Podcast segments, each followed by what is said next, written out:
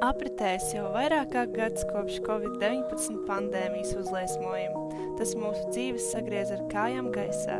Ar visgrūtākajiem šķēršļiem nācās saskarties ārstiem slimnīcās. Mēs visi esam aizdomājušies, kāda ir dzīve slimnīcā šajā Covid-19 laikā. Mums ir iespēja ieskatīties, kā mediķi strādā slimnīcās.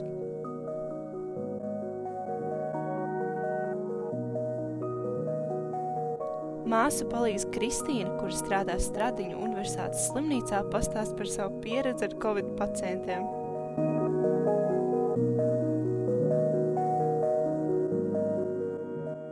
Ļoti daudz pirms jau līdz jaunam gadam nāca uz izmeklējumu ar nedod pacientu maskas.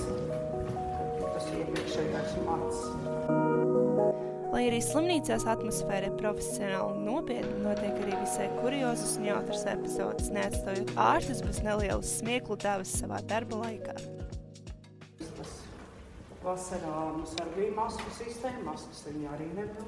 Tas nav vajadzīgs, es viens pats te koridorī sēžu un varu darīt, ko es gribu.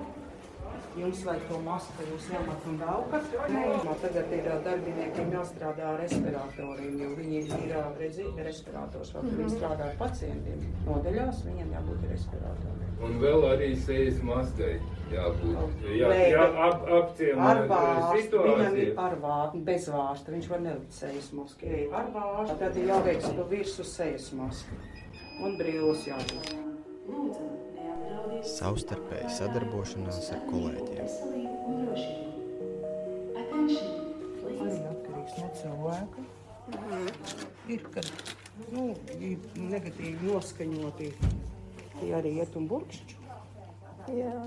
Negatīvi noskaņot pret maskām, negatīvi noskaņot pret potēm, vakcīnām. Negatīvi pret visu valsti, pret iekārtu. Bet tā kā bišķi no jaunā gada pieauga darbiniekiem algas, līdz no 70 līdz 90 centiem stundā pieauga, tad bišķi, bišķi atkal savādāk. Nu jā, visgrūtākais bija tas decembris un janvārs. Tas bija vissmagākais arī slimnīcas ziņā, slimnieku ziņā, jo ambulatorija pacienti tāpat bija, ļoti daudz stacionāriem bija un smag, nu, smagāks. Ikdienas slimnīcā var būt ļoti neparedzama. Dažādas stresa situācijas, draudzīgas sarunas, rūpes vai pat nāve. kā ir sadzīvot ar nāvi un redzot to ikdienā tādos daudzumos šajā situācijā. Jā, nav praktiski savā acī neesmu redzējusi. Wow. Tikai mm, nu, līdz šim, līdz šim. Tad tas tā Covid nodaļā, tad bija tā, ka ir mācīts miruša cilvēka aprūpe, ir mācījusies, bet es viņu nekad nebiju savā praksē pielietojusi. Līdz janvārim. Mhm. 1. janvārī man bija pirmā Covid dežūra nodaļā. Divas. Mēs vajadzēja apkopot divus. Bija tā, ka vakarā tu ej, gu- vakarā tu ej pēdējo reizi aprūpēt. Nu, švaks, nu, tur pret, nu, sadot uz zālītes un viss pie skābekļa pieslēgts. Pēc divām stundām atkal ieta apgaitā, kam tur naktī zāles jādod, skaties, jau guļa muti vaļā. Nu, tad, tad, nu, tā bija bišķiņa tā aprūpe, bailis, kā darīt, ko darīt. Un, un, un, un, un, un, un, un. Arī nav viena, man nav slimnīcā vienota algoritma šam visam.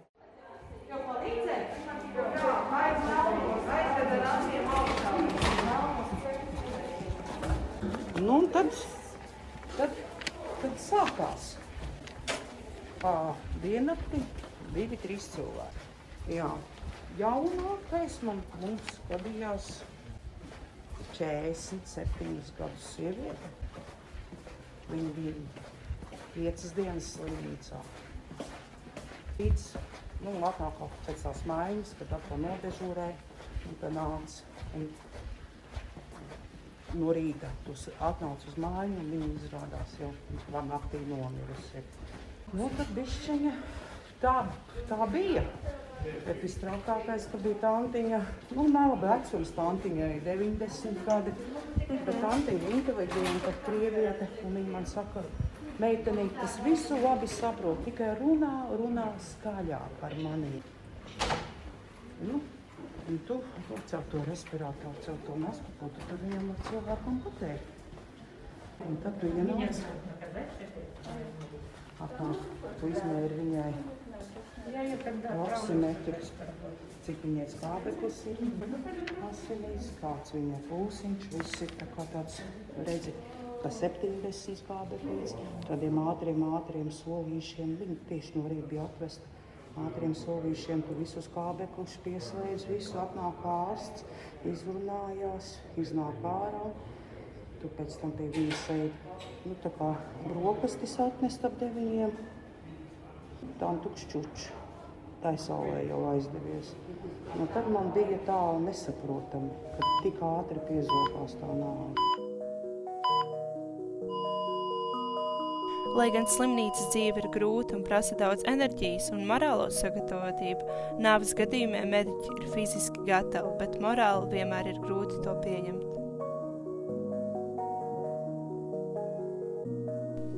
Vai cilvēks sāk nāvi uztvert citādāk? Mazliet vairāk par nāvi mums pastāstīs Ilva Skulta. Jāteic, kā cilvēks vispār uztver nāvi. Lielā mērā ieskats par nāvi veidojās kultūrā. Pašus sākumus var meklēt un apskatīt folklorā. Cilvēkiem liekas, ka folkloras vai mākslas attēlotā nav mūs neskar, bet lielā mērā mūsu pamatos tas ir. Priekšstati, vērtības, normas, rituāli un pieņēmumi par to, kā jāizturas ar tuviniekiem vai apkārtējiem par nāves gadījumiem. Mūsdienās lielu lomu spēlē mediji, masu mediji, modernās aprūpes un sociālās aprūpes.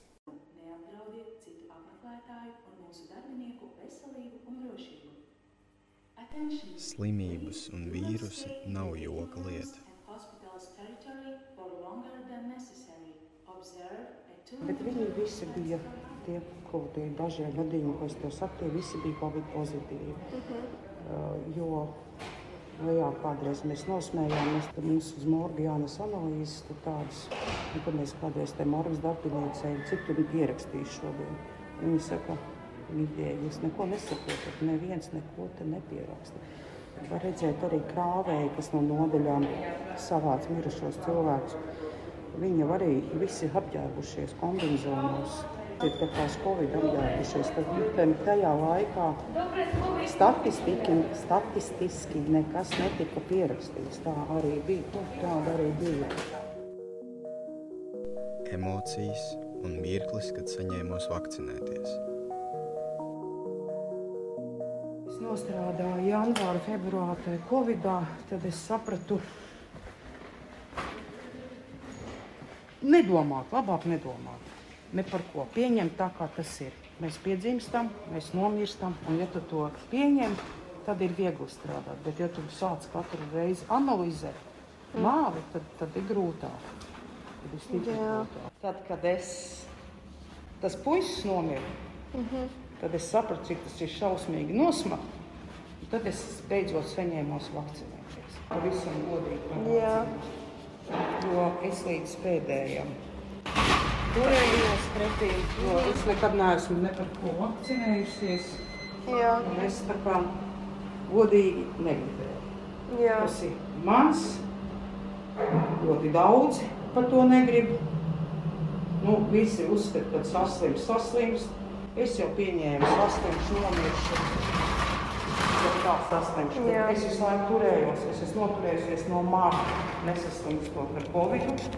Mūs testēja no marta reizi nedēļā, nosākot no novembra divas līdz trīs reizes nedēļā. Tāpēc, kad visi darbinieki ļoti tieši Jā. Daudz slimoja, tas starpgadījums ar to vācu pacientu. Tas tad, tad vienkārši anesteziologi visā slimnīcā. Pārvietojās pa visu slimnīcu, daudz operāciju zāles, tāpēc mums vajadzēja veikt biežāk. Tāpēc mm arī operācijas zālē mums vajadzēja biežāk. Ir pārtest, testēts, iekautēts. Jā. Polski sapratīs. Par tām vakcīnām runājot, tad kādi ir tie visbiežākie blakus efekti zināmie vai redzēti? Pārsvarā visiem kur potēšanas, vakcinēšanas roksāpē. Mm Mhm. -hmm. Divas, trīs dienas. Kaut kāda ot, pēc otrās potes temperatūra bija. Mm -hmm. Nu, viena diena, nu, divas varbūt augstākais, bet vairs arī nekas tāds nav. Nu, tā ir jāsaprot, kad ir dzīvā vakcīna, tad mēdz iesaka ārsti. Pirms vakcīnas būtu pareizi. Jā. Atzert alerģiskos līdzekļus, tur zirtekļus, tā vajag jau. Bet Jā. redzi, tu to jau neko nerunā. Un trīs Jā. dienas pēc, tad tā alerģiskais varbūt nav. Mhm. Man personīgi tikai rokas sāpē. Bet blakus, es domāju, ka blakus efekts tāds pats kaut kur viņš uz, uzpeldēs. Man kolēģi pēkšņi vispār galvu sāpurēja, vispār nekad galva nav sāpējusi. Un es kaut kāds dīvains spiediens turās. Ā, mums vienai kundzei bija alerģiska reakcija, viss izsitās, visa seja izsitās ļoti smagi. Nu, viņa gan pēc pirmās podas, gan pēc otrās podas. Kāpēc negribu vakcinēties? Tāpēc, ka man ļoti daudz, es domāju, ka tā informācija sociālos tīklos, rekrutāņi arī negrib vakcinēties. Почему? Kāpēc tu negribi vakcinēties? Скажи. Я уже записала, что-то не А, все-таки записалась. Viņa записалась, viņa pierakstījās tāpēc, ka mums ir tāds savu veidu iekšējais drauds. Divas reizes nedēļā jātaisa Tas caur nekas. degunu, caur Tas ne- rīku, jātaisa nekas. Covid-19 pandēmija mainīja mūsu dzīves pa 180 grādiem, un ārstiem tas arī bija milzīgs pārbaudījums. Pavisam nezināma un jauna vīrusu ārstēšanai bija jāpavada pie pacientiem dienas un naktis, saskaroties ar šo bīstamo vīrusu ikdienu.